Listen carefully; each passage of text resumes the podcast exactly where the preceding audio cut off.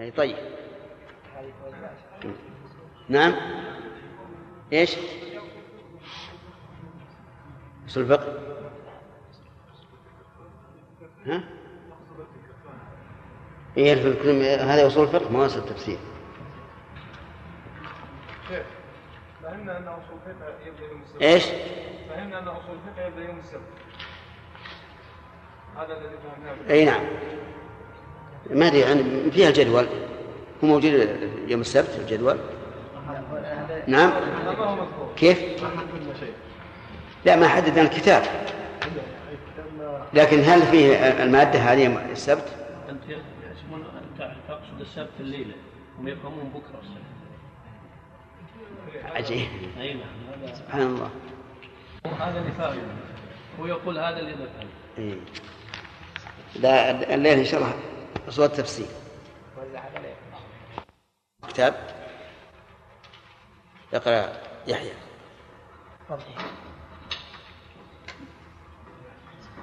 لا لا شرح ما يحتاج. كيف شيء؟ يحتاج إن يقرأ. هذا. ها؟ ما يحتاج. بسم الله الرحمن الرحيم. الحمد لله. الحمد لله نحمده ونستعينه ونستغفره. ونتوب إليه ونعوذ بالله من شرور أنفسنا ومن سيئات أعمالنا. من يهده الله فلا مضل له ومن يضلل فلا هادي له. وأشهد أن لا إله إلا الله وحده لا شريك له وأشهد أن محمدا عبده ورسوله صلى الله عليه وعلى آله وأصحابه ومن تبعهم بإحسان إلى يوم الدين وسلم تسليما. أما بعد فإن المهم في كل فن أن يتعلم المرء من أصوله. أن يتعلم المرء من أصوله ما يكون عونا له على فهمه وتخريجه على تلك الأصول ليكون علمه مبنيا على أسس قوية ودعائم راسخة. وقد قيل من حرم الأصول حرم الوصول. بسم الله الرحمن الرحيم. الحمد لله رب العالمين وصلى الله وسلم على نبينا محمد وعلى آله وأصحابه ومن تبعهم بإحسان إلى يوم الدين. هذا الدرس الذي نبتدئه هذه الليلة ليلة السبت العاشر من شهر صفر عام تسعة عام ستة عشر وأربعمائة وألف هو في أصول التفسير. ونسأل الله تعالى أن ييسر إتمامه على الوجه الذي ينفع. بدأ المؤلف كتابه بهذه بهذه الخطبة خطبة الحاجة. الحمد لله نحمده ونستعينه ونستغفره ونتوب إليه. نتوب إليه اجعلوها بين قوسين لأنها لم تأتي في الحديث. لكننا قلناها تقليدا للعلماء السابقين. والحديث الحمد لله نحمده ونستعينه ونستغفره ونعوذ بالله من شرور أنفسنا. أما الحمد فهو وصف المحمود بالكمال مع المحبة والتعظيم. وصف المحمود بالكمال مع المحبة والتعظيم. ويكون الحمد لكمال المحمود ولإنعام المحمود أيضا فهو فضل وإفضال. فالآكل إذا أكل يحمد الله عز وجل على كماله أو على إحسانه وإنعامه. الثاني لقول النبي صلى الله عليه وسلم إن الله لا يرضى عن العبد يأكل لكلة فيحمده عليها ويشرب الشربة فيحمده عليها. واللام في قوله لله للاستحقاق والاختصاص. أما كونها للاستحقاق فإن أحق من يحمد هو الله عز وجل. وأما كونها للاختصاص فلأن الحمد مستغرقة لجميع أنواع المحامد لأن ألف الحمد للاستغراق. ومن الذي يختص بالحمد كله؟ الله عز وجل. ولهذا نقول اللام في الحمد لله للاستحقاق وإيش؟ والاختصاص. جملة نحمده جملة توكيد توكيد في المعنى لقوله الحمد لله. نستعينه نطلب منه العون. نستغفره نطلب منه المغفرة. أما العون فهو المساعدة وأما المغفرة فهو ستر الذنوب مع التجاوز عنها. ونعوذ بالله من شرور أنفسنا نعوذ بالله أي نعتصم به من شرور أنفسنا. وهل للنفس شرور؟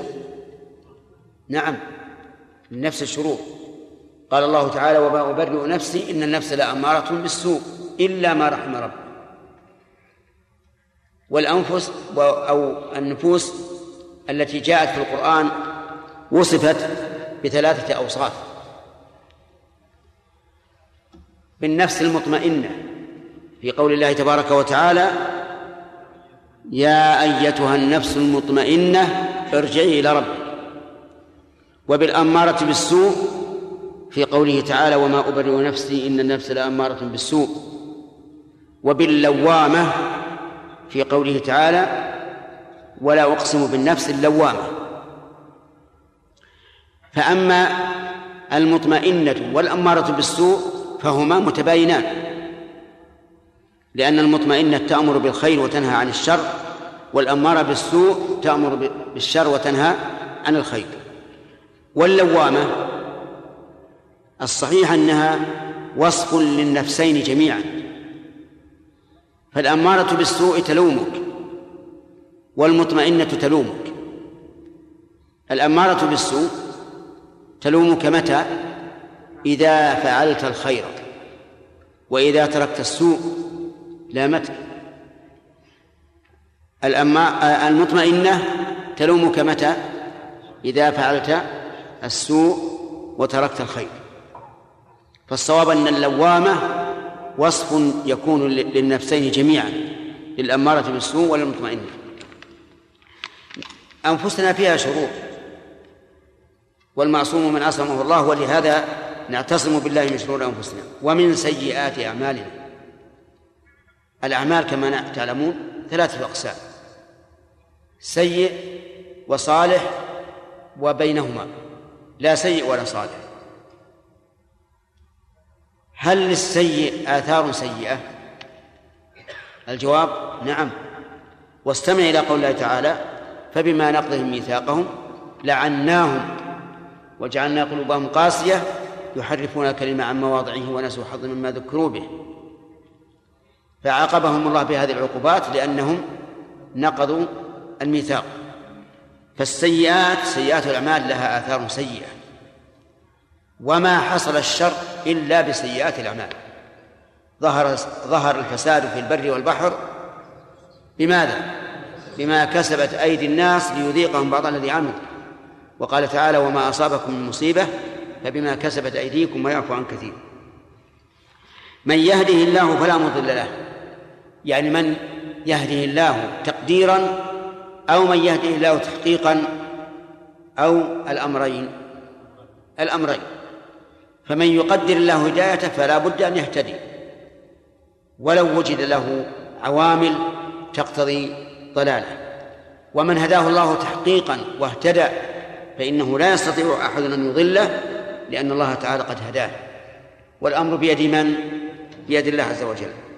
وهذه الجملة تدل على نعم وهذه الجملة توجب للإنسان أن لا يطلب الهداية إلا من الله عز وجل. مع فعل الأسباب. الأسباب لا بد منها. اسأل الله الهداية و... و... واعمل لأسبابها من تعلم الشريعة واستطلاعها وما أشبه ذلك. ومن يضلل فلا هادي له. من يضلل بالفعل يعني حقيقة أو من يظلم من يضلل تقديرا. الأمران جميعا. فمن أراد الله إضلاله فمن أراد الله ضلاله فإنه لا يمكن أن يهديه أحد. ولا أدل على ذلك من فعل الرسول عليه الصلاة والسلام مع عمه أبي طالب. عمه أبو طالب أحسن إليه أي إلى الرسول إحسانا عظيما.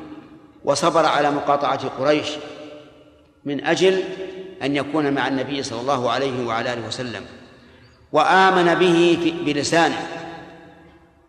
فصدقه. وقال في لاميته المشهورة لقد علموا أن ابننا لا مكذب لدينا ولا يعنى بقول الأباطل. وقال لقد علمت بأن دين محمد من خير أديان البرية دينا. لولا الملامة أو حذار مسبة لوجدتني سمحا بذاك مبينا. ومع ذلك لم يهتدي. مع حرص النبي صلى الله عليه وعلى آله وسلم على هدايته فإنه لم يهتدي. مات على الكفر. حضره النبي صلى الله عليه وسلم وهو في سياق الموت فقال يا عمي قل لا إله إلا الله. كلمة أحاج لك بها عند الله ولكنه لم يقل ذلك وكان آخر ما قال أنه على ملة على على ملة عبد المطلب فمات على الكفر والعياذ بالله. اللهم أحسن لنا الخاتمة جميعا. نعم. يقول ومن يضلل فلا هادي له وأشهد أن لا إله إلا الله وحده لا شريك له وأشهد أن محمدا عبده ورسوله. أشهد أي أقر إقرار مشاهد والمشاهد للشيء يراه حسا. فالشهادة هنا متضمنة للإقرار الذي يعتبر بمنزلة الشهادة لتأكد المقر. وقول أن لا إله إلا الله يعني أنه لا يوجد إله إلا الله. كذا صحيح؟ لا هذا غير صحيح. أن نقول لا يوجد لأن هناك آلهة تعبد من دون الله وتسمى آلهة. كما قال الله تبارك وتعالى ومن يدعو مع الله إلها آخر لا برهان له به فإنما حسابه عند ربه. وقال تعالى فما أغنت عنهم آلهتهم التي يدعون من دون الله من شيء. لا ولأننا لو قلنا لا إله موجود إلا الله لكان هذا هو القول بوحدة الوجود. لأن الله إله خالق السماوات والأرض وهذه الأصنام إله. إذن هو واحد. لهذا يتعين أن يكون المعنى لا إله حق إلا الله. وعلى هذا فيكون خبر لا النافية إيش؟ محذوفا. ولفظ الجلالة الذي الذي بعد إلا بدل منه. بدل منه. وهذا أحسن الأعاريب وأسلم الأقوال من الإرادة والاعتراض. وحده لا شريك له وحده تأكيد للإثبات ولا شريك له تأكيد للنفي. هذه الجملة كلمة الإخلاص. لو وزنت بها السماوات والأرض لرجحت بهن. وهي التي من كانت آخر كلامه من الدنيا دخل الجنة. فهي كلمة عظيمة. لها وزنها وقيمتها. تعصم الإنسان وماله من القتل كما تعصمه من الكفر. ولهذا لما لحق أسامة بن زيد لما لحق أسامة بن زيد المشرك وأدركه قال هذا المشرك لا إله إلا الله. ففهم أسامة أنه قالها تعوذا وخوفا من القتل فقتله. ثم بلغ ذلك النبي صلى الله عليه وعلى آله وسلم فقال له أقتلته بعد أن قال لا إله إلا الله؟ قال نعم. لكنه قالها تعوذا وما تعوذا ليعتصم بها من القتل. فجعل النبي صلى الله عليه وسلم يرددها حتى قال أسامة تمنيت أني لم أكن أسلمت بعد. تمنى أنه ليس بمسلم لأجل إذا أسلم إيش؟ غفر له ما قد سلف ولكن الأمر حصل إلا أن النبي صلى الله عليه وعلى آله وسلم لم يضمنه بدية ولا كفارة لأنه متأول. والكفارة لا تأتي مع العمد أيضا. طيب يقول أشهد أن لا إله إلا الله وحده لا شريك له وأشهد أن محمدا عبده ورسوله. نقول في أشهد كما قلنا في الأولى. ومحمد هو ابن عبد الله ابن هو ابن عبد الله ابن عبد المطلب الهاشمي القرشي صلوات الله وسلامه عليه. لا يوجد من بني إسماعيل نبي سواه. وقوله عبده ورسوله. عبده يعني العابد له المتذلل. ليس له حق من الربوبية. ورسوله المرسل من قبل الله عز وجل. فليس بكاذب وليس ب وليس له حق في الربوبية. وفي قوله عبده ورسوله. عبده فيها رد على من غلا فيه. ورسوله رد على من قدح فيه. كذا في قوله عبده رد على من؟ على من؟ على من غلا فيه حتى أوصله إلى جانب الربوبية. ورسوله رد على من؟ على من قدح فيه وكذبه وقال ليس برسول أو قال إن رسالته ليست عامة. فالنصارى الآن عليهم لعائن الله إلى يوم القيامة وكذلك اليهود يقولون محمد رسول. وعيسى رسول موسى رسول. لكن موسى إلى قومه وعيسى إلى قومه ومحمد إلى قومه. فلا فرق بيننا وبينكم. أنتم آمنتم برسول أرسل إليكم ونحن نؤمن برسول أرسل إلينا واليهود كذلك. ولكن نقول إن محمد صلى الله عليه وسلم رسول إلى كل من ولد من بعد رسالته فإنه يلزمه اتباعه. حتى قال الرسول عليه الصلاة والسلام لو كان أخي موسى حيا ما وسعه إلا اتباعه. وقول محمد عبده ورسوله لم يقل إلى إلى الناس كافة. مع أن هذه الجملة مما علمه النبي صلى الله عليه وسلم أمته في التشهد. ماذا نقول في التشهد؟ أشهد أن لا إله إلا الله وأشهد أن محمدا عبده ورسوله بتعيين الرسول. فيقال كما قال ابن ابن مالك رحمه الله وحذف ما يعلم جائز. ونحن نعلم أن رسالته مطلقة لكل أحد. فحذف ذكر فحذف المرسل إليه للعلم به. صلى الله عليه وعلى آله وأصحابه ومن تبعهم بإحسان إلى يوم الدين. نعم.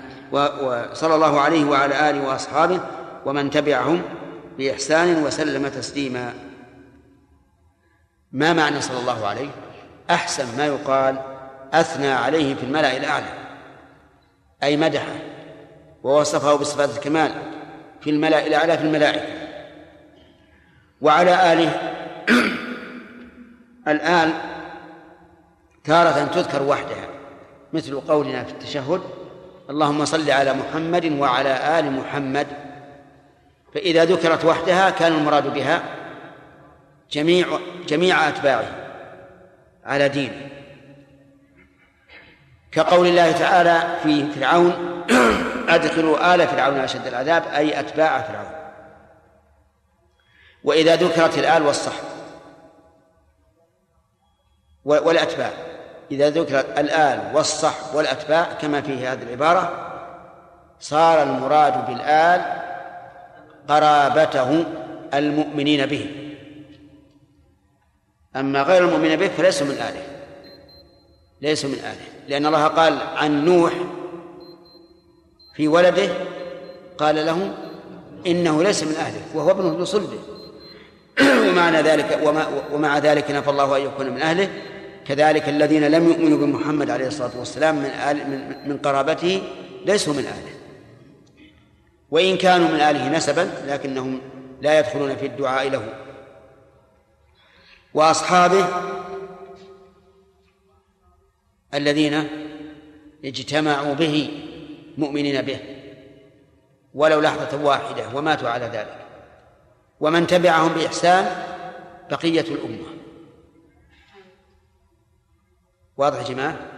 وهذا من تبعهم بإحسان مأخوذ من قول الله تعالى والسابقون الأولون من المهاجرين والأنصار والذين اتبعوهم بإحسان.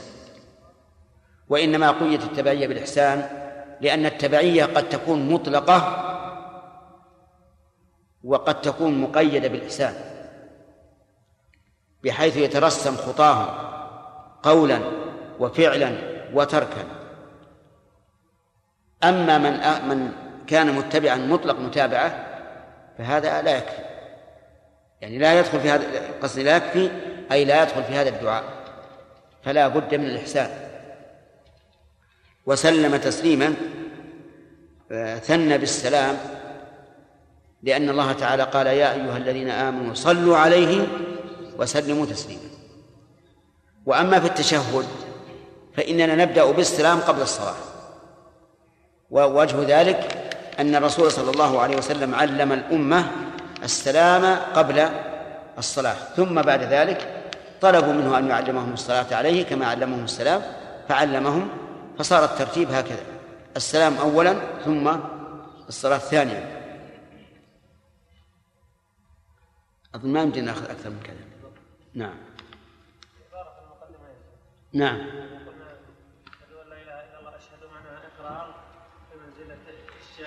نعم. المقر أو المقر لا المقر. يعني المتأكد كما يتأكد فيما شاهد تقرأ أحمد تقرأ. صوت تفسير. نعم. بسم الله الرحمن الرحيم. الحمد لله رب العالمين.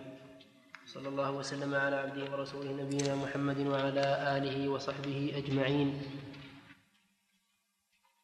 قال شيخنا حفظه الله تعالى في كتابه أصول في التفسير. فإن من المهم في كل فن أن يتعلم المرء من أصوله ما يكون عونا له على فهمه وتخريجه على تلك الأصول ليكون علمه مبنيا على أسس قوية ودعائم راسخة وقد قيل من حرم الأصول حرم الوصول ومن أجل فنون العلم بل هو أجلها وأشرفها علم التفسير الذي هو تبيين معاني كلام الله عز وجل وقد وضع أهل العلم له أصولا كما وضعوا لعلم الحديث أصولا ولعلم الفقه أصولا. وقد كنت كتبت من هذا العلم ما تيسر لطلاب المعاهد العلمية في جامعة الإمام محمد بن سعود الإسلامية فطلب, فطلب مني بعض الناس أن أفردها في أن أفردها في رسالة ليكون ذلك أيسر وأجمع فأجبته إلى ذلك وأسأل الله تعالى أن ينفع بها. ويت... هذه القطعة تتضمن أن من المهم أن يركز الإنسان معلوماته على الأصول أصول المسائل لأن الأصول هي التي تجمع له الفروع. ومن كان معتنيا بالفروع دون الأصول فإنه يفوته الفروع والأصول. لأن الفروع كأوراق الشجرة. تتحاد وتزول وأما الأصول فهو كعروق الشجرة. يرسخ الشجرة ويبقيها. ولهذا أنا أحث كل طالب علم على أن يعتني بالأصول. القواعد والضوابط وكذلك المسائل الكلمات الجامعة التي تشمل مسائل كثيرة. لأننا نرى بعض الناس الآن من الطلبة وغير الطلبة يعتني بجمع المسائل فقط. يجمع مئة مسألة أو مئتين مسألة لكن ليس عنده أصل يبني عليه. فإذا ورد عليه أي مسألة تخالف ما كان حافظا لا يستطيع أن يخرجها. ولذلك نحن نحث الطالب طالب العلم على معرفة الأصول. وقد قيل من حرم الأصول حرم الوصول. يعني أنه لا يصل إلى غايته. وهذا حقيقة. ثم قال إن من أجل فنون العلم بل هو أجلها وأشرفها. علم التفسير الذي هو تبيين معاني كلام الله عز وجل. لأن شرف العلم يشرف بموضوعه. وموضوع علم التفسير كلام الله عز وجل. فالاعتناء به أهم من الاعتناء بشرح الحديث وأهم من الاعتناء بشرح متن من متون العلماء لأنه تفسير لمن لماذا؟ لكلام الله عز وجل. والعلوم تشرف بحسب موضوعها. قال وقد كنت كتبت من هذا العلم ما تيسر لطلاب المعاهد العلمية في جامعة الإمام محمد بن سعود الإسلامية فطلب مني بعض الناس أن أفردها في رسالة ليكون ذلك أيسر وأجمع فأجبت إلى ذلك. وزدت ما شاء الله وحذفت بعض الأشياء التي لا فائدة منها. فصار هذا الكتاب مختصرا وأكثر اعتمادي فيه على مقدمة التفسير لابن تيمية رحمه الله لأنها مقدمة نافعة لكن كما تعلمون أن شيخ الإسلام رحمه الله كلامه دائما مرسل لأنه بحر متلاطم. ما لا لا لا تحجزه الجداول. فهو رحمه الله يتكلم بكلام مرسل يحتاج إلى أنه يجمع ويبسط ويسهل للطالب. ويتلخص. نعم. ويتلخص ذلك فيما يأتي. القرآن الكريم. أولا متى نزل القرآن على النبي صلى الله عليه وسلم ومن نزل به عليه من الملائكة؟ ثانيا أول ما نزل من القرآن. ثالثا نزول القرآن على نوعين سببي وابتدائي. رابعا القرآن مكي ومدني وبيان الحكمة من نزوله مفرقا وترتيب القرآن. خامسا كتابة القرآن وحفظه في عهد النبي صلى الله عليه وسلم. سادسا جمع القرآن في عهد أبي بكر وعثمان رضي الله عنهما. التفسير أولا معنى التفسير لغة معنى معنى معنى التفسير لغة واصطلاحا وبيان حكمه والغرض منه. ثانيا الواجب على المسلم في تفسير القرآن. ثالثا المرجع في التفسير إلى ما يأتي. ألف كلام الله تعالى بحيث يفسر القرآن بالقرآن. باء سنة الرسول صلى الله عليه وسلم لأنه مبلغ عن الله تعالى وهو أعلم الناس بمراد الله تعالى في كتاب الله. جيم. كلام الصحابة رضي الله عنهم لا سيما ذو العلم منهم والعناية بالتفسير لأن القرآن نزل بلغتهم وفي عصرهم. دال. كلام كبار التابعين الذين اعتنوا بأخذ التفسير عن الصحابة رضي الله عنهم. ها ما تقتضيه الكلمات من المعاني الشرعية أو اللغوية حسب السياق. فإن, اخت... فإن اختلف الشرعي واللغوي أخذ, أخذ بالمعنى الشرعي إلا بدليل إلا بدليل يرجح اللغوي. رابعا أنواع أنواع الاختلاف الوارد في التفسير المأثور. خامسا ترجمة القرآن. تعريفها أنواعها حكم كل نوع. خمس تراجم مختصرة. للمشهورين بالتفسير ثلاثة للصحابة واثنتان للتابعين. أقسام القرآن من حيث من حيث الإحكام والتشابه. عندنا الأحكام غلط. الصواب الإحكام الهمزة مكسورة. موقف الراسخين في العلم والزائغين من المتشابه. التشابه حقيقي ونسبي. الحكمة في تنوع القرآن إلى محكم ومتشابه.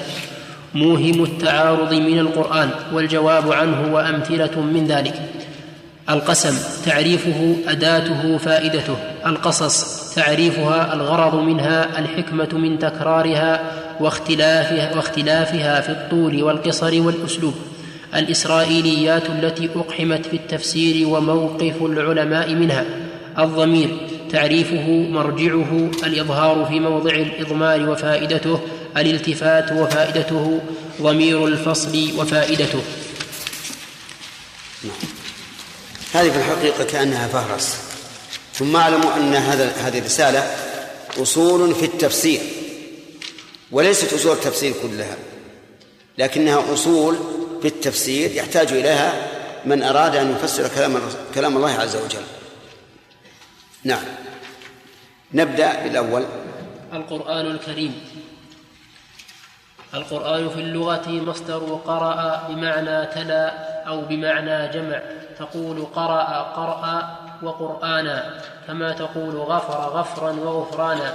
فعلى المعنى الأول تلا يكون فعلى المعنى الأول تلا يكون مصدرا بمعنى اسم المفعول أي بمعنى متلو. وعلى المعنى الثاني جمع يكون مصدرا بمعنى اسم الفاعل أي بمعنى جامع لجمعه الأخبار والأحكام. والقرآن في الشرع كلام الله تعالى المنزل على طيب الآن القرآن. القرآن يحتاج إلى معرفته لغة وشرع. اللغة قالوا إنه مصدر قرأ بمعنى تلا أو قرأ بمعنى جمع وكلاهما صحيح.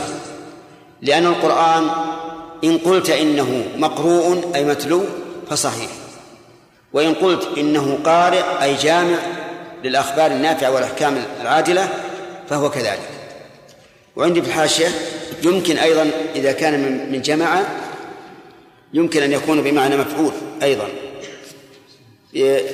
لأنه مجموع في المصاحف والصدور. ولهذا يقال مثلا إن أبا بكر رضي الله عنه جمع القرآن. فالقرآن إذن مجموع فصار قرأ بمعنى اسم المفعول بمعنى اسم المفعول سواء كانت من القراءة بمعنى التلاوة أو من القراءة بمعنى الجمع. أما قرأ بمعنى التلاوة فهي اسم فاعل ولا مفعول؟ لا اسم مفعول لأن القرآن ما هو قارئ بل هو مقروء. فالقرآن بمعنى التلاوة لا يكون إلا بمعنى اسم المفعول. القرآن بمعنى القرء أي الجمع يكون بمعنى اسم الفاعل وبمعنى اسم المفعول. هذا هذا باعتبار القرآن. أما في الشرع والقرآن نعم هذا باعتبار القرآن لغة. أما في الشرع والقرآن في الشرع كلام الله تعالى المنزل على رسوله وخاتم أنبيائه محمد صلى الله عليه وسلم المبدوء بسورة الفاتحة. المبدوء بسورة الفاتحة المختوم إيش؟ نعم. المبدوء بسورة الفاتحة المختوم بسورة الناس. قال الله تعالى إنا نحن نزلنا عليك القرآن تنزيلا. وقال إنا أنزلناه قرآنا عربيا لعلكم تعقلون. وهذا المعنى قد قد أجمع عليه المسلمون لم يشذ إلا الرافضة حيث ادعوا أن القرآن فيه نقص. وأنه حذف منه أشياء. و وزادوا على ما في القرآن الموجود بين المسلمين والذي أجمع عليه المسلمون. أوله الفاتحة وآخره سورة الناس. فما بين هاتين السورتين كله كلام الله عز وجل. حتى قال العلماء من أنكر منه حرفا واحدا فإنه يكون كافرا. لأنه مكذب لله ورسوله وإجماع المسلمين. حرف واحد. اللهم إلا ما اختلفت فيه القراءات لأن بعض القراءات قد يكون فيها حذف حذف حرف حرف معنوي لا حرف تركيبي. الحرف التركيبي كثير مثل ملك ومالك حذفت من القراءة الثانية الألف لكن هناك حرف معنوي قد تحذف الواو. وقد يكون بدل الواو فاء حسب القراءات لكن هذا قليل. المهم أن القرآن شرعا هو هذا الذي بين أيدينا والحمد لله. حفظه الله عز وجل. حفظه الله من النقص والزيادة والتحريف حتى الذين حرفوه معنى أقام الله تعالى من عباده الصالحين من من رد هذا التحريف. قلنا إنه مكذب لله ورسوله فهو مكذب لله عز وجل لأنه لأن ادعاءه أنه قد زيد فيه أو نقص تكذيب لمضمون قوله تعالى إنا نحن نزلنا الذكر وإنا له لحافظون. أما للرسول عليه الصلاة والسلام فإن المسلمين أجمعوا على أن محمدا صلى الله عليه وسلم بلغ القرآن كاملا ولم يشذ عنه حرف ولا كلمة ولا آية. وأن هذا القرآن الذي الذي الذي بلغه محمد هو هذا القرآن الذي بين أيدينا. وأما الإجماع فظاهر. نعم. وقد حمى الله تعالى هذا القرآن العظيم من التغيير والزيادة والنقص والتبديل حيث تكفل عز وجل بحفظه فقال إنا نحن نزلنا إنا نحن نزلنا الذكر وإنا له لحافظون ولذلك مضت القرون الكثيرة ولم يحاول أحد من أعدائه أن يغير فيه أو يزيد أو ينقص أو يبدل. إلا هتك الله تعالى ستره وفضح أمره. الحمد لله. وهذا بخلاف الكتب السابقة. الكتب السابقة صار فيها التحريف والتغيير والتبديل وصار فيها الكتمان. جعلوا جعلوا التوراة قراطيس يبدونها ويخفونها كثيرا. لكن هذا القرآن والحمد لله محفوظ. حتى لو حاول أحد أن يغير معنى القرآن قيض الله له من يبين تحريفه ويبين عواره وعيبه. نعم. وقد وصف الله وقد وصفه الله تعالى بأوصاف كثيرة تدل على عظمته وبركته وتأثيره وشموله وأنه حاكم على ما قبله من الكتب. قال الله تعالى ولقد آتيناك سبعا من المثاني والقرآن العظيم والقرآن المجيد. نعم. لا والقرآن. نعم والقرآن المجيد. طيب هذه العظمة. آتيناك سبعا من المثاني. ما هذه السبع؟ هي سورة الفاتحة. كما ثبت كما ثبت بذلك الحديث عن النبي صلى الله عليه وعلى آله وسلم. هي السبع المثاني لأن آياتها سبع وهي مثاني فيها خبر وفيها دعاء وفيها تاريخ وفيها تقسيم الناس في الهداية يعني هي أم القرآن بمعنى الكلمة. ولا أحسن من الشرح الذي شرحه إياها ابن القيم رحمه الله في أول مدارج السالكين فإنه قد أتى من معانيها بالعجب العجاب. الذي لا لا لا تجده في أي كتاب تفسير. ووصفه الله نعم والقرآن العظيم. وصف الله القرآن بأنه عظيم. ووصفه بأنه مجيد. والمجد هو العظمة. قال الله تعالى قاف والقرآن المجيد. وهذا يدل على عظمة هذا القرآن. طيب. هل نفهم أن القرآن عظيم أو أنه مجيد أو نفهم شيئا وراء ذلك؟ نفهم شيئا وراء ذلك وهو أن من تمسك به نال العظمة والمجد وصار له السلطة على غيره والشاهد حاصل من الواقع. فالأمة الإسلامية لما كانت متمسكة بهذا القرآن الكريم كان لها السيطرة والهيمنة على كل الأمم. وصارت تفتح الأمم البلدان بلدا بلدا. نعم. وقال تعالى كتاب أنزلناه إليك مبارك ليدبروا آياته وليتذكر أولو الألباب. وهذا كتاب أنزلناه مبارك فاتبعوه واتقوا لعلكم ترحمون. إنه لقرآن كريم. إن هذا القرآن يهدي للتي هي أقوم. وقال تعالى لو انزلنا نعم. هذا أيضا آيات تدل على عظمة القرآن. كتاب أنزلناه إليك مبارك. فالقرآن مبارك. مبارك في أثره وتأثيره وأجره وثوابه. أما أجره وثوابه فإن من قرأ القرآن فله بكل حرف إيش؟ عشر حسنات. وأما تأثيره فإن الله بين أنه لو أنزله على جبل لرأيته خاشعا متصدعا من خشية الله. وأما آثاره فما حصل للأمة الإسلامية من الفتح المبين والنصر من النصر المبين وفتح العزيز الذي يشهد به كل أحد. ثم ما يحصل به من صلاح القلوب وإقبال العبد على ربه وتلين القلب لذكر الله قال ابن عبد القوي رحمه الله وحافظ على درس القرآن فإنه يلين قلبا قاسيا مثل جلمدي. وصدق رحمه الله الذي يقرأ القرآن بحضور قلب وتدبر لا شك أنه يتأثر به تأثرا عظيما.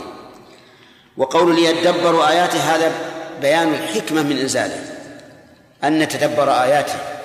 لا أن نقرأه بدون تدبر ولا تفاهم لمعناه. لأننا لو قرأناه هكذا ما استفدنا منه. أي فائدة للألفاظ ترددها وأنت لا تعرف معناها ولا تدبرها؟ لا فائدة. والثالث نعم. الحكمة الثانية قال وليتذكر أولو الألباب. تدبر الآيات مطلق. ليدبروا آياته. والتذكر به خاص بمن؟ بأولي الألباب العقلاء. لأنه كم من إنسان يعرف معنى القرآن ويتدبر القرآن ويستنتج منه الفوائد العظيمة لكن لا يتذكر. لا يتذكر إلا أولي الألباب والألباب هي العقول. فذكر الله هذا الكتاب العظيم العظيم وصفه بأنه مبارك. وبين الحكمة من إنزاله وهي تدبر الآيات والثاني التذكر وفي قوله ليتدبروا آياته بدون استثناء دليل على أن معاني آيات الصفات معلوم لأنها من آياته بل هي أجل آيات القرآن. إذ أن فيها الخبر عن الله عز وجل وأحكامه وأفعاله فهي معلومة معلومة لنا. وبهذا نرد على من قال إن مذهب السلف هو التفويض أي تفويض المعنى فإن هذا قول لا يصدر إلا عن كاذب على السلف أو جاهل بمذهبهم. وإلا فمن علم مذهب السلف تبين لهم أنهم يقولون بالمعنى ويعرفونه. وقوله نعم. وقوله ولا يتذكر الألباب آه، بيان أنه نزل للتذكر والاتعاظ وكم من إنسان يقرأ القرآن ولكن ولكنه من أعداء القرآن لأنه لم يتذكر به ولم ينتفع به. نقف على هذا. سورة تفسير.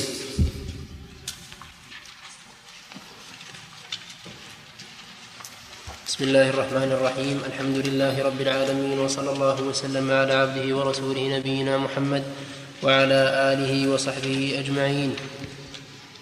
قال شيخنا رحمه قال شيخنا حفظه الله تعالى في كتابه في ورحمه أيضا. ورحمه أيضا. في كتابه أصول في التفسير في معرض ذكر صفات القرآن الكريم.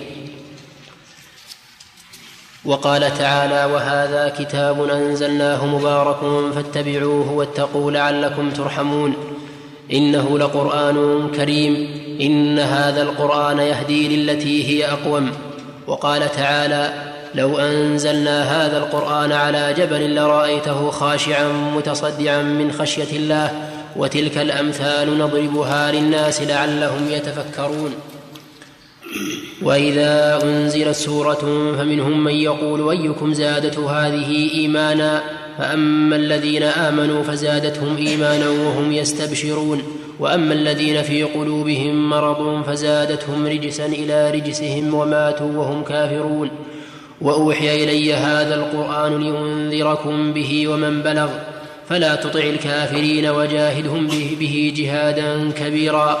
بسم الله الرحمن الرحيم. سبقنا من أوصاف القرآن الكريم عدة أوصاف وذكرناها مع أدلتها. انتهينا إلى قوله تعالى وها كتاب أنزلناه إليك مبارك ليدبروا آياته وليتذكر أولو الألباب. وبينا أن تدبر الآيات يشمل كل ما في القرآن من الآيات حتى ما يتعلق بأسماء الله وصفاته فإنه داخل في هذا. وذكرنا أن في هذا ردا على من؟ على أهل التوفيق. الذين قالوا إن الناس لا يعلمون معاني ما أنزل الله على رسوله صلى الله عليه وسلم في القرآن الكريم. وذكرنا أن قول أهل أهل التفويض قال عنه شيخ الإسلام ابن تيمية رحمه الله إنه من شر أقوال أهل البدع والإلحاد. يقول عز وجل في سياق الآيات التي فيها ذكر أوصاف القرآن الكريم وهذا كتاب أنزلناه إليك مبارك فاتبعوه واتقوا لعلكم ترحمون. ها؟ وهذا كتاب أنا أخطأت وهذا كتاب أنزلناه مبارك فاتبعوه واتقوا لعلكم ترحمون. هذا كتاب كتاب بمعنى مكتوب. ففي أي شيء هو مكتوب؟ هو مكتوب في اللوح المحفوظ. مكتوب في المصاحف التي في أيدينا. مكتوب في الصحف التي بأيدي سفرة كرام بررة. وقوله مبارك سبق الكلام عليه. فاتبعوه واتقوا لعلكم ترحمون. هذا بمعنى قوله ليدبروا آياته وليتذكر أولو الألباب. وذلك لأن الاتباع فرع عن عن معرفة المعنى. وقول اتقوا حذف المفعول. فبأي شيء نقدره؟ إذا قال اتبعوه واتقوا أي اتقوا مخالفته التي هي ضد اتباعه. وهذا يشمل الأخذ بجميع شرائع القرآن الكريم. لعلكم ترحمون لعل هنا للتعليل. وكلما جاءت لعل في القرآن فإنها للتعليل. ولا يصح أن تكون للترجي لأن الترجي إنما يكون في أمر عسر على المترجي. والله سبحانه وتعالى لا يعسر عليه شيء. إذن فإذا جاءت في كلام الله فهي للتعليل وهي كثيرة في القرآن الكريم. وقول ترحمون آه لم يبين الراحم من وإنما لم يبين إما للعلم به فلا يحتاج إلى ذكره كما في قوله تعالى وخلق الإنسان ضعيفا. ومعلوم من الخالق أنه الله عز وجل. فهنا ترحمون نقول معلوم من الراحم وهو الله عز وجل وهو الذي تنفع رحمته وما ورحمة من سواه قد تنفع وقد لا تنفع. وقد يقال إنه حذف المفعول من أجل العموم لأنه أحيانا يحذف المفعول لإفادة التعميم. ألم تروا إلى قول الله تعالى ألم يجدك يتيما فآوى ووجدك ضالا فهدى ووجدك عائلا فأغنى. يقول بعض المفسرين في الآية الثلاث هنا إنه حذف المفعول من أجل تناسب الآيات أي رؤوسها. وأن الأصل ألم يجدك يتيما فآواك ووجدك ضالا فهداك ووجدك عائلا فأغناك. ولكن الصواب خلاف ذلك وأنه حذف المفعول لإفادة العموم. فالرسول عليه الصلاة والسلام آواه الله وآوى به. آواه الله وآوى به. فكان صلى الله عليه وسلم ملجأ لأمته يلجؤون إليه هاجروا من بلادهم إلى المدينة ليكونوا حول رسول الله صلى الله عليه وعلى آله وسلم. ووجدك ضالا فهداك وهدى بك أيضا. كما قرر ذلك كما قرر ذلك النبي صلى الله عليه وعلى آله وسلم للأنصار حين قال لهم كنتم ضلالا فهداكم الله بي. ووجدك عائلا فأغنى, فأغنى أغناك أو أغناك وأغنى بك أغناك وأغنى بك كما قال كما قال الرسول صلى الله عليه وسلم للأنصار كنتم عالة فأغناكم الله بي. فالحاصل أن قوله هنا لعلكم ترحمون يحتمل أنه حذف الفاعل إما للعلم به أو لإفادة التع... لإفادة التعميم. وجه التعميم أن يقال من رحمه الله يسر له من يرحمه. من رحمه الله يسر له من يرحمه. فيكون المرحوم من الله مرحوما من الله ومن ومن الخلق. وكم من إنسان أنقذه الله تعالى من براثن أعدائه لأنه مرحوم عند الله فرحمه الله فرحمه العباد. وقال الله تعالى إنه لقرآن كريم. إنه الضمير يعود على القرآن. لقرآن كريم والجملة هنا مؤكدة بمؤكدين. أو بثلاثة. بثلاثة لأن قبلها قسم. فلا أقسم بما تبصرون وما لا تبصرون. لا من هذا؟ نعم فإنه فلا أقسم بمواقع النجوم وإنه لقسم لو تعلمون عظيم. إنه لقرآن كريم. فالجملة مؤكدة بثلاثة مؤكدات. القسم والثاني إن والثالث اللام. لكن قد يقول قائل منكم إنها لم تؤكد بقسم لأن الله يقول لا أقسم بمواقع النجوم ولا للنفي فكيف تقولون إنه إثبات قسم؟ نقول إن لا هنا للتنبيه وليست نافية بل المراد لا يعني انتبه أقسم بمواقع النجوم إلى آخره. فلا هنا للتنبيه مثلها في قوله تعالى لا أقسم بيوم القيامة وفي قوله لا أقسم بهذا البلد وفي قوله فلا أقسم برب المشارق وما وما أشبه. إنه لقرآن كريم الكريم كثير الخير. ولهذا يقال للرجل البذول الذي يبذل ماله يقال إنه كريم. ويقال للبهيمة الحسناء التي تدر وتلد يقال لها كريمة. ولهذا قال النبي صلى الله عليه وسلم لمعاذ بن جبل وقد بعثه لليمن إياك وكرائم أموالها. كرائم يعني أحاسنها وأطيبها. القرآن كريم. في ألفاظه وفي معانيه وفي آثاره وفي كل شيء. هو قرآن كريم كما وصف الله عز وجل. من كرمه أنه يلين القلب. إذا تابع الإنسان تلاوته لأن قلبه. ومن كرمه أيضا ما حصل للأمة الإسلامية بسبب التمسك به من الفتوحات العظيمة والانتصارات الهائلة. وقال تعالى إن هذا القرآن يهدي للتي هي أقوم يعني للخصلة التي هي أقوم.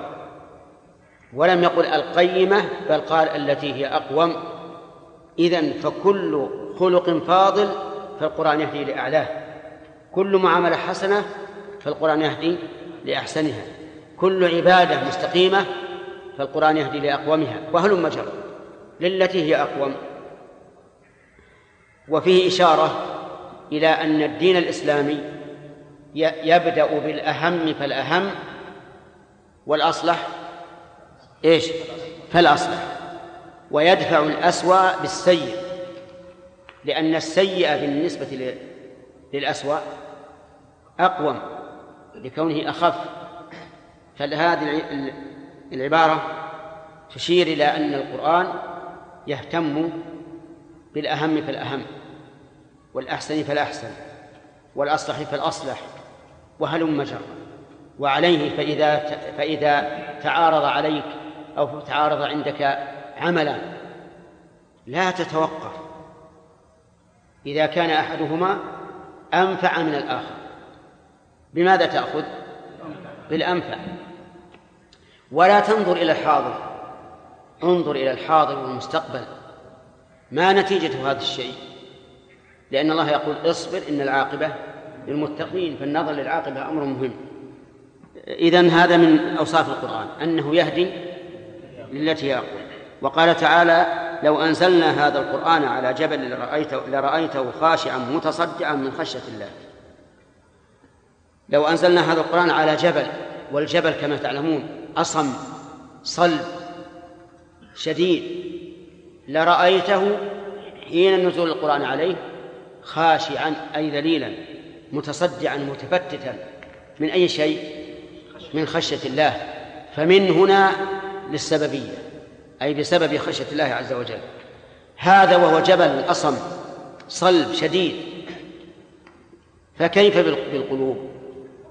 ولهذا إذا قرأت القرآن يا أخوان إذا قرأت القرآن ولم تشعر بأن قلبك لأن فاعلم أنه أشد قسوة من الحجارة. لماذا؟ لأن الحجارة تلين وتخشع والقلب الذي لا يلين ولا يخشى في القرآن أشد قسوة من الحجارة. فنسأل الله أن يلين قلوبنا وقلوبكم بذكره. آمين. وقول من خشية الله أي من خوفه. لكن الخشية خوف مقرون بعلم بقول الله تعالى إنما يخشى الله من عباده العلماء. وتلك الأمثال نضربها للناس. أفادنا الله عز وجل بأن هذا ضرب مثل وأن الأمثال يضربها الله تعالى للناس لعلهم يتفكرون أي لأجل أن يتفكروا. وما أكثر الأمثال في القرآن الكريم. قيل فائدة أصولية. كل مثل في القرآن فهو إثبات للقياس. كل مثل في القرآن فهو إثبات للقياس لأن المقصود به انتقال الذهن من هذا إلى هذا.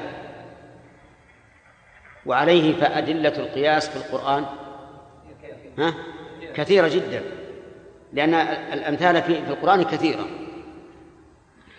إذا ما الذي آه، استفدنا من وصف القرآن هنا؟ استفدنا من ذلك قوة تأثير القرآن وأنه لا بد أن يؤثر لكن لما كان أكثر الناس اليوم يقرؤون القرآن بألسنتهم صار تأثيره لا يتجاوز حناجرهم. وإلا لو قرأوه بقلوبهم وألسنتهم لكان له أثر بالغ. يقول الله عز وجل وإذا أنزلت سورة فمنهم من يقول أيكم زادته هذه إيمانا؟ منهم أي من المنافقين؟ من يقول لا تستمعوا لهذا القرآن إيش الفائدة منه؟ إذا ما أنزل السورة قالوا أيكم زادته هذه إيمانا؟ وإذا أنزل وإذا أنزل السورة فمنهم من يقول أيكم زادته هذه إيمانا؟ لماذا يقول هذا الاستفهام؟ إما لكونهم لم ينتفعوا بالآيات. فظنوا أن الناس كلهم مثلهم وإما أنهم يكابرون. ينكرون أن تكون الآيات أثرت عليهم استكبارا وعنادا وجحودا. قال الله تعالى في الجواب فأما الذين آمنوا فزادتهم إيمانا وهم يستبشرون. هذا هذا قسم من الناس. الذين آمنوا زادتهم إيمانا. كيف زادتهم إيمانا؟ تزيدهم إيمانا لأنه إذا نزلت السورة بخبر صدقوه. وإذا نزلت السورة بطلب قاموا به. تركا للمنهي عنه وفعلا للمأمور. وهذا يزيد الإيمان. كلما ازداد الإنسان تصديقا بآيات الله عز وجل ازداد إيمانه وكلما ازداد الإنسان عملا ازداد إيمانه. ولهذا كان من مذهب أهل السنة والجماعة أن الإيمان يزيد بالطاعة وينقص بالمعصية. طيب إذن المؤمنون إذا نزلت السورة زادتهم إيمانا. لماذا؟ للتصديق بها إن كانت من الأخبار والعمل بها إن كانت من الطلب فعلا للمأمور وتركا للمحظور. طيب وهم يستبشرون يعني يبشر بعضهم بعضا بما نزل وبحكم ما نزل. يبشر بعضهم بعضا لأنه كلما نزلت آية من القرآن فهو دليل على أن الله أراد بالأمة خيرا. طيب وأما الذين في قلوبهم مرض فزادتهم رجسا إلى رجسهم وأما الذين في قلوبهم مرض المرض علة تقتضي خروج البدن عن الاعتدال الطبيعي. هذا الأصل. علة تقتضي إيش عبد العوض؟ عن الاعتدال الطبيعي. هي أيضا في القلب كذلك. علة تصيب القلب توجب خروجه عن الاعتدال الطبيعي. وهو أي المرض يعني مرض القلب في كل موضع بحسبه. ففي قوله تعالى ولا تخضعن بالقول فيطمع الذي في قلبه مرض. ما المراد بالمرض هنا؟ مرض الشهوة. وهنا وأما الذين في قلوبهم مرض مرض الشك والجحود لأنه في في مقابل قوله فأما الذين آمنوا فزادتهم إيمانا. والشيء يعرف بإيش؟ بمقابله. وهذه من قواعد التفسير التي ستأتينا إن شاء الله أنه يعرف معنى الآية بذكر المقابل. ومن أبرز مثال على ذلك قوله تعالى فانفروا ثبات أو انفروا جميعا. لو قلنا ما معنى ثبات؟ متفرقين أو فرادى. بماذا عرفت من هذا المعنى؟ لقوله في مقابله أو انفروا جميعا. طيب. وأما الذين في قلوبهم مرض أي شك وجحود فزادتهم رجسا إلى رجسهم. أعوذ بالله. رجسا إلى رجسهم. الرجس هنا معنوي ولا حسي؟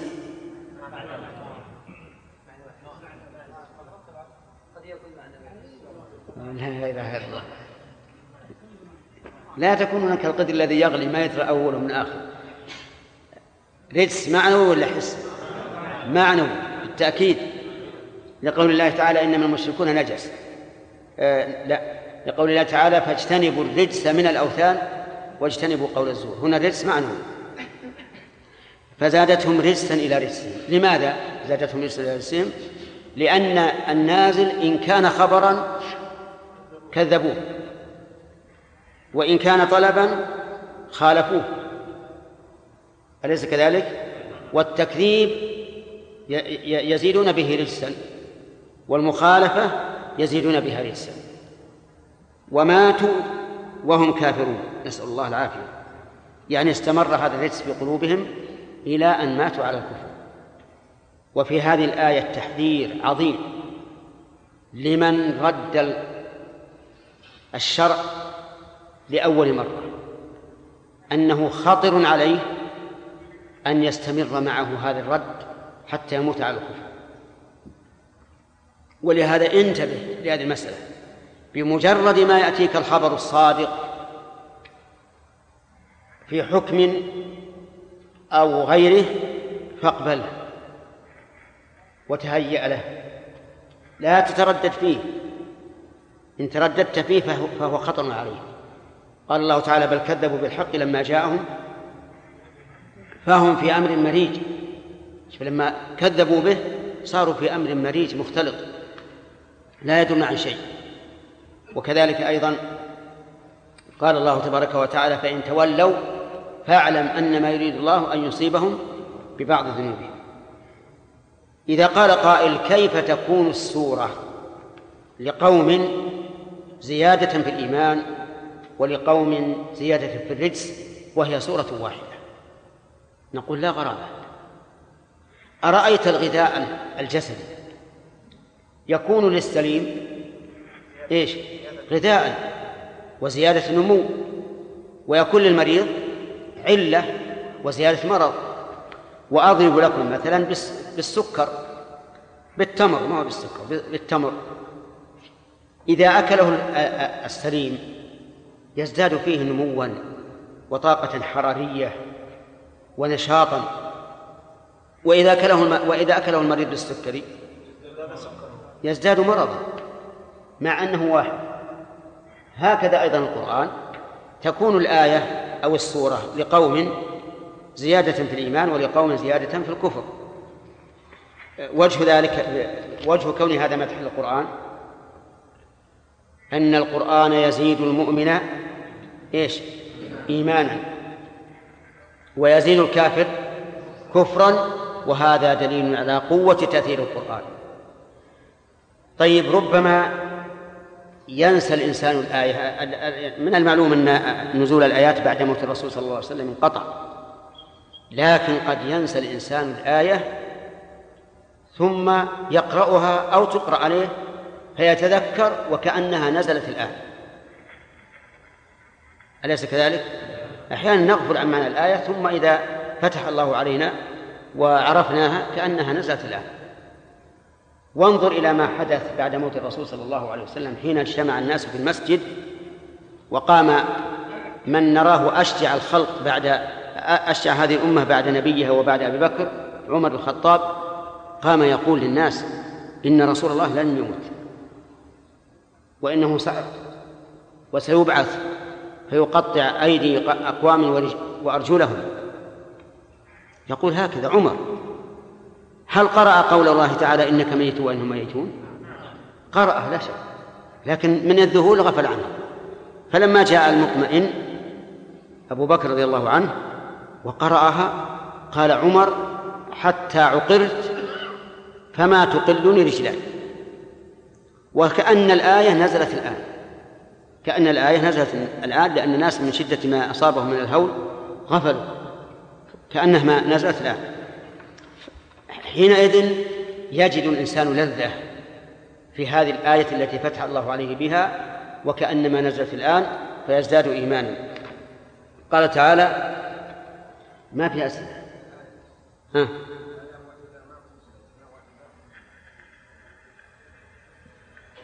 والله أنا عندنا في إذا ما أنزل معكم مصحف؟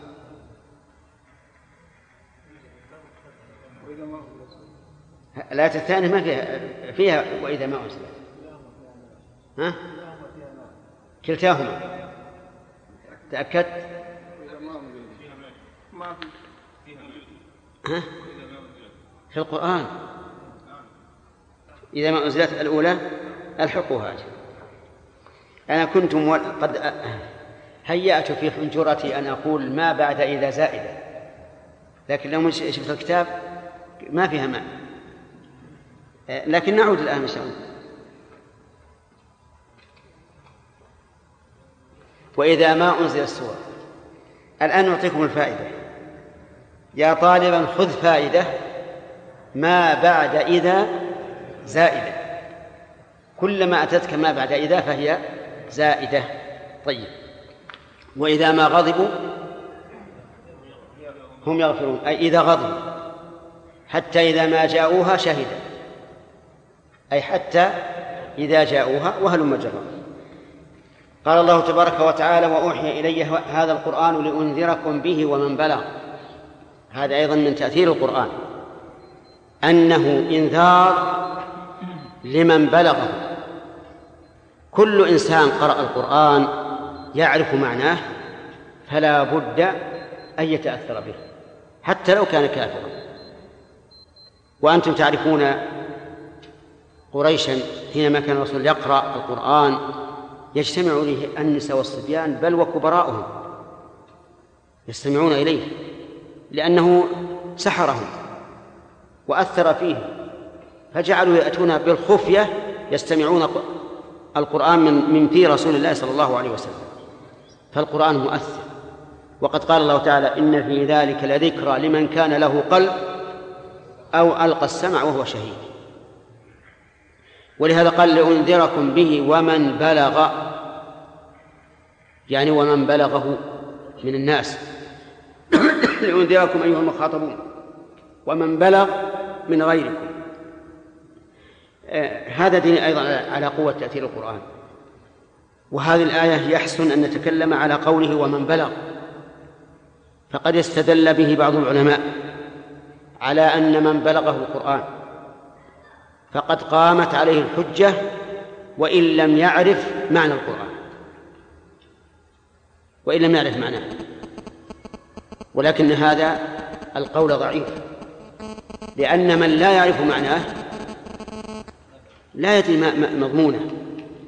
والله تعالى قال وما أرسلنا من قبلك وما أرسلنا من رسول إلا بلسان قومه ليبين لهم وقال تعالى وما كان الله ليضل قوما بعد إذ هداهم حتى يبين لهم ما يتقون فلا بد من بيان. لكن إذا قيل له هذا كلام الله الواجب اتباعه. فقد بلغت الحجة قامت عليه الحجة. وإن لم يفهم المعنى على سبيل التفصيل. إذا عرف أن هذا كلام الله وحي وأنه يجب اتباعه فقد بلغ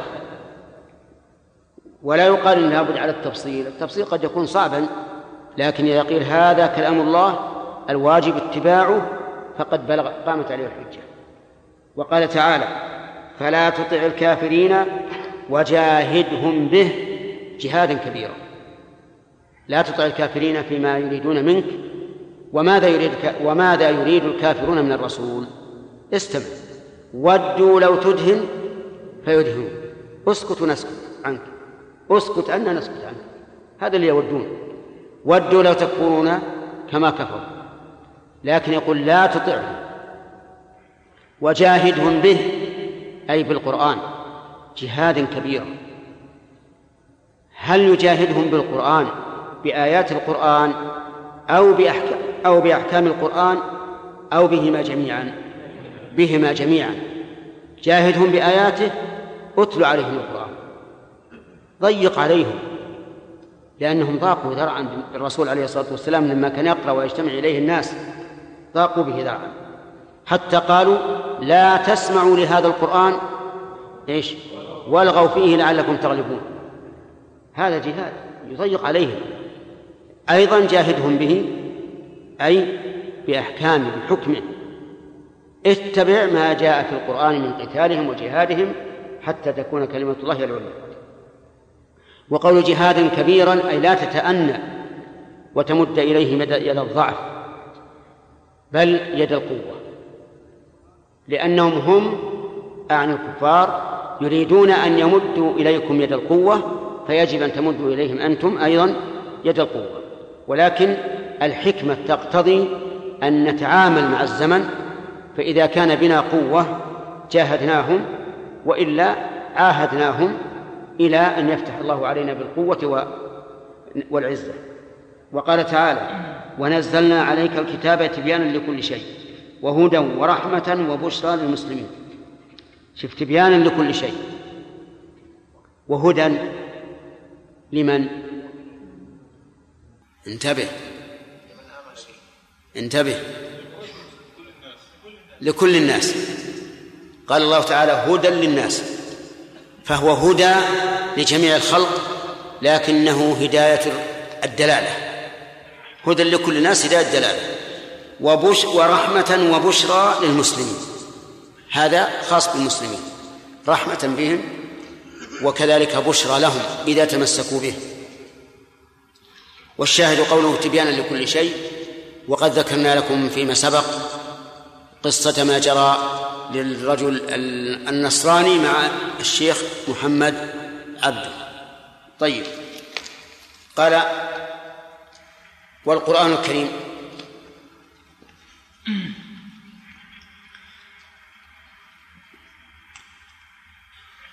والقرآن الكريم مصدر مصدر الشريعة الإسلامية. ها؟ أنزل. أي نعم نعم. ونعم بقى آية. وقال تعالى وأنزلنا إليك الكتاب بالحق مصدقا لما بين يديه من الكتاب ومهيمنا عليه فاحكم بينهم بما أنزل الله. أنزلنا إليك الكتاب يعني القرآن. بالحق أي متلبسا بالحق ونازلا بالحق فنزوله حق وما جاء به حق فالباء للملابسة وكذلك أيضا للتعدية فهو نازل نزول حق. ونازل بالحق يعني أتى بالحق. أخباره صدق وأحكامه عدل. مصدقا حال لما بين يديه من الكتاب. وكيفية تصديق القرآن لما بين يديه من الكتاب من وجهين. الوجه الأول أن الكتب السابقة ذكرت منه شيئا فنزل مصداقا لها. والشيء الثاني أنه يصدقها ويقول إنها حق وصدق. ولهذا يجب علينا أن نؤمن بالكتب السابقة. فقول مصدقا لما بين يديه أي مصدقا ما أخبرت به ومصدقا لها بأنها حق. وقول مهيمنا عليه الهيمنة السيطرة والسلطة. يعني أن القرآن ناسخ لما سبقه من الكتب فاحكم بينهم بما أنزل الله. ولهذا رتب عليه فاحكم فالفاء هنا للسببية والفصيحة أيضا. أي فبما أنه مهيمن احكم بينهم بما أنزل الله. بعده ولا تتبع أهواءهم. عما جاءك من الحق لكل جعلنا منكم شرعة ومنهاجا.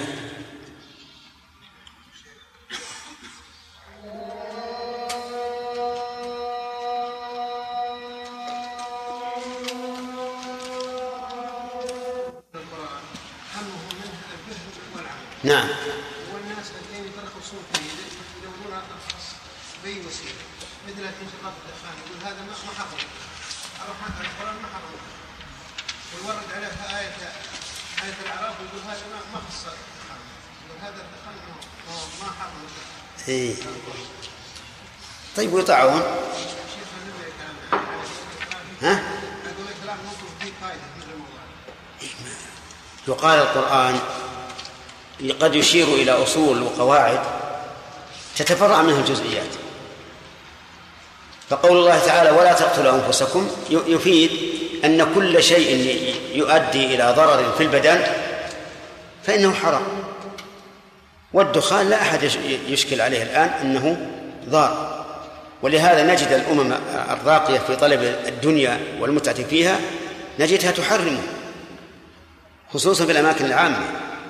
أنا ذكر لي قوات الطائرات أنهم إذا حاذوا الولايات المتحدة امتنعوا من التدخين ممنوع من التدخين وهم في الجو قبل أن ينزلوا إلى مطارات الولايات المتحدة وكذلك في الأماكن العامة. فإذا كان كذلك فقد قال القرآن فقد قال الله في القرآن ولا تقتلوا أنفسكم. وقد استدل عمرو بن العاص بهذه الآية على جواز التيمم خوفا من التأذي بالبرد. أليس كذلك؟ أي نعم. هذه مسألة واضحة والحمد لله. نعم. شيخ حفظكم الله في بعض البلاد يعني يضعون شريط يعني في القرآن في مكبر الصوت ويكون يعني في أيام يعني مخصصة. بل هذا يكون في أيام؟ يعني مثل يوم الجمعة أو أيام إيه. يعني عند اجتماع الناس.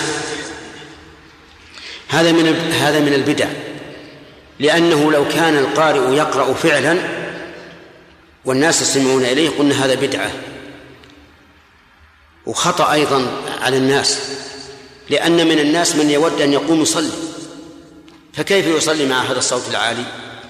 من الناس من يريد أن يقرأ لنفسه. فكيف يقرأ مع هذا الصوت العالي؟ هذا غلط. وينبغي لطلبة العلم إذا ذهبوا إلى بلاد تعمل هذا العمل أن يناصحوهم. لا أن يقوموا عليهم في المسجد يقول هذا خطأ هذا بدعة لا. يتكلمون مع المسؤولين عن المساجد ويقول هذا بارك الله فيكم. إذا شاءوا لا يقولون بدعة بهذا اللفظ يمكن ينفرون لكن يقول هذا يؤثر على الناس. يؤثر على المصلي وعلى من يريد أن يقرأ لنفسه. وربما يؤدي أيضا إلى امتهان القرآن. تجد هذا مثلا يقرأ واثنين يت- يتحدثون. حميد. هل هذه الآية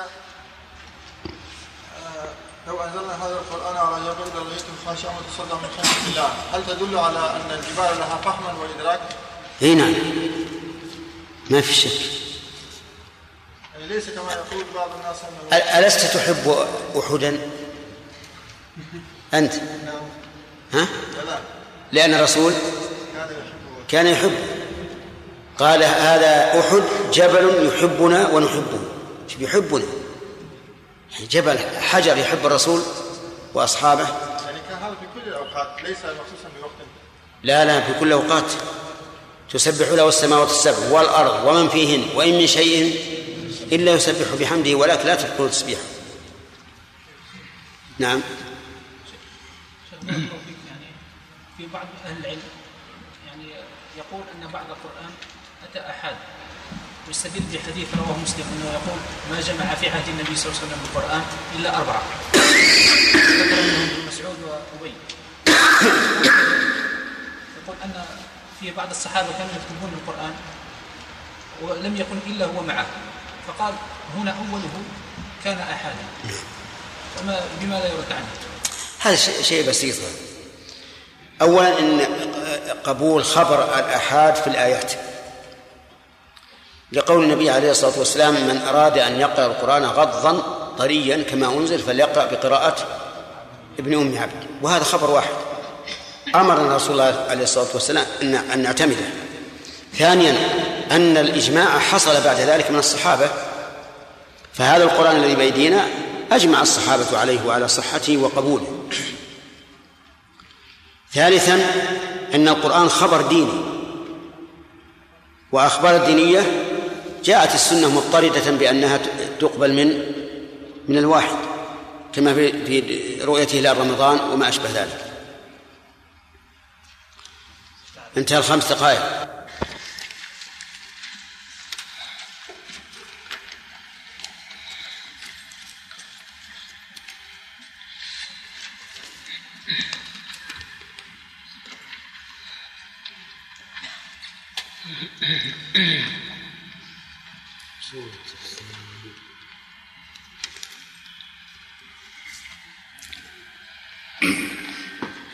أهل البحرين.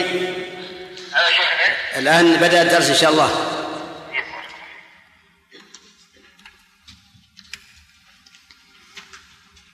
بسم بالله بسم الله الرحمن الرحيم. الحمد لله رب العالمين وصلى الله وسلم على عبده ورسوله نبينا محمد وعلى آله وصحبه أجمعين. قال شيخنا حفظه الله تعالى في كتابه أصول في التفسير. والقرآن الكريم مصدر الشريعة الإسلامية التي بعث بها محمد صلى الله عليه وسلم إلى الناس كافة. قال الله تعالى تبارك الذي نزل الفرقان على عبده ليكون للعالمين نذيرا. كتاب أنزلناه إليك لتخرج الناس من الظلمات إلى النور بإذن ربهم إلى صراط العزيز الحميد إلى صراط العزيز الحميد الله الذي له ما في السماوات وما في الأرض وويل للكافرين من عذاب شديد. وسنة النبي صلى الله عليه وسلم مصدر تشريع أيضا كما قرره القرآن. قال الله تعالى من يطع الرسول فقد أطاع الله ومن تولى فما أرسلناك عليهم حفيظا. ومن يعص الله ورسوله فقد ضل ضلالا مبينا وما آتاكم الرسول فخذوه وما نهاكم عنه فانتهوا. قل إن كنتم تحبون الله فاتبعوني يحببكم الله ويغفر لكم ذنوبكم والله غفور رحيم. بسم الله الرحمن الرحيم. الحمد لله رب العالمين. وصلى الله وسلم على نبينا محمد وعلى آله وأصحابه أجمعين. آه، لما سبق بيان عظمة القرآن الكريم وما وصفه الله به من الأوصاف ذكر أمرا مهما وهو أن القرآن الكريم هو مصدر الشريعة الإسلامية وكذلك السنة النبوية. فلا يمكن أن يؤخذ بتشريع أي مصدر كان وأي إنسان كان إلا من الكتاب والسنة. وعلى هذا فلا يجوز أن يشرع لعباد الله شيء من القانون القوانين الوضعية. لأن القوانين الوضعية لا تخلو من حالين. إما أن تكون موافقة للشرع فنقول إن إن الذي شرعها هو الشرع. ولا كرامة ولا منة للقوانين الوضعية. وإما أن تكون مخالفة للشرع فيجب علينا نبذها وطرحها وأن نعلم أنها باطل لأن الشريعة حق وما عداها باطل وأنها لا يمكن أن تصلح الخلق ولا يمكن أن يصلح الخلق قانون وضعه بشر مخالف لشريعة الله. لأن هذا البشر الذي يظن أنه وضع ما يصلح الخلق أولا أنه قاصر في نفسه وفي عقله وفي معرفة ما يصلح الخلق. ثانيا أنه إذا قدرنا أن الرجل عنده عبقرية وذكاء أعني واضع القانون فإنما يعرف ذلك فيما حوله فيما حوله فقط. أما ما كان بعيدا عنه من الأماكن فإن الناس يختلفون فيما يصلحهم. ثالثا إذا قدرنا أن هذا الرجل الواضع للقانون عبقري وذكي ويعرف المصالح فإنما يعرفها في زمن محدود. وهو زمنه الذي يعيش فيه. وأما فيما بعد فلا. ولهذا نعتبر من الجهل العظيم بل من الكفر إذا قامت البينة إذا إذا إذا قامت الحجة على وضع هذه القوانين التي وضعها إما يهود وإما نصارى من أزمنة بعيدة ووضعوها بين أيدي الناس يحكمون يتحاكمون إليها نرى أن هذا خطأ عظيم. بل هو كفر إذا لم يكن هناك تأويل من الفاعل. وعلى هذا فنقول إنه لا مصدر للتشريع والحكم بين الناس إلا إيش؟ الكتاب والسنة. وقد ضل من ضل حيث قال إن الكتاب والسنة إنما يبين المنهج الذي يكون بين الإنسان وبين ربه فقط أو في فيما بين الخلق في أحوال شخصية كالمواريث والأنكحة مثلا. نقول لقد ضللت ضلالا مبينا. وكذبت قول الله تعالى اليوم أكملت لكم دينكم وأتممت عليكم نعمتي ورضيت لكم الإسلام دينا. ونقول أيضا دعواك هذه يكذبها القرآن الذي تؤمن به. فإن أطول آية في كتاب الله هي آية الدين وكل في معاملات الخلق. ثم إن إن الله عز وجل يبين في آيات كثيرة أشياء غير الذي في آية الدين. كلها تتعلق بالمعاملات والأنكحة والفرائض وغيرها. فالحاصل أن من ابتغى الهدى من غير من غير كتاب من غير كتاب الله أضله الله عز وجل. وكذلك أيضا السنة. السنة نبوية مصدر التشريع أيضا. ولكن متى؟ إذا صحت عن النبي صلى الله عليه وعلى آله وسلم. لأن ما لا يصح ليس بعمدة ولهذا نقول الذي ينظر في القرآن ينظر من وجه واحد فقط وهو دلالة القرآن على الحكم. والذي ينظر من السنة يجب عليه نظران. النظر الأول ثبوت هذا عن النبي عليه الصلاة والسلام والنظر الثاني دلالتها على الحكم. فالمستدل بالسنة يحتاج إلى أمرين. النظر في ثبوتها ثم النظر في دلالتها. فإذا قال قائل ما هو الدليل على أن السنة تشريع؟ قلنا القرآن. ولنقرأ تبارك الذي نزل الفرقان على عبده ليكون للعالمين نذيرا. الفرقان هو القرآن. وسمي فرقانا لأنه يفرق بين الحق والباطل وبين أولياء الله وأعداء الله وبين كل الأمور المختلفة. ولهذا لا لا يمكن يوجد في الشريعة شيء مختلف إلا والعقل يقتضي اختلافه أو متفق إلا والعقل يقتضي اتفاقه. وقال تعالى كتاب نعم وفي قوله للعالمين نذيرا دليل على عموم رسالة النبي عليه الصلاة والسلام كتاب أنزلناه إليك لتخرج الناس من الظلمات إلى النور بإذن ربهم إلى صراط العزيز الحميد. هذا أيضا يدل على أن الكتاب الذي يجب أن نسير عليه هو إيش؟ القرآن. الله الذي له ما في السماوات وما في الأرض. اللام هنا مفخمة إذا وقفت على الآية التي قبلها. وإن وصلت فهي مرققة لأن ما قبلها مكسور. إلى صراط العزيز الحميد الله. أما إذا قلت إلى صراط العزيز الحميد ثم قلت الله فتفخم. الذي له ما في السماوات وما في الأرض. وإذا كان هو مالك السماوات والأرض وجب أن يكون الحكم إليه وإلى ما نزل من كتابه. وويل للكافرين من عذاب شديد. من الكافرون؟ الذين لا يهتدون بهذا القرآن. ويل لهم من عذاب شديد. سواء قالوا إن محمدا صلى الله عليه وعلى آله وسلم لم ينزل عليه قرآن أو قالوا إنه نزل عليه قرآن لكن ليس للعالمين بل لبعضهم. وسنة النبي صلى الله عليه وعلى آله وسلم تشريع أيضا كما قرره القرآن. قال الله تعالى من يطع الرسول فقد أطاع الله. وجه الدلالة أن الذي يطيع الرسول قد أطاع الله. ومعلوم أن المراد بطاعة الرسول هنا ما لم يرد به قرآن وأما ما ورد به القرآن فالطاعة فيه طاعة لمن؟ لله.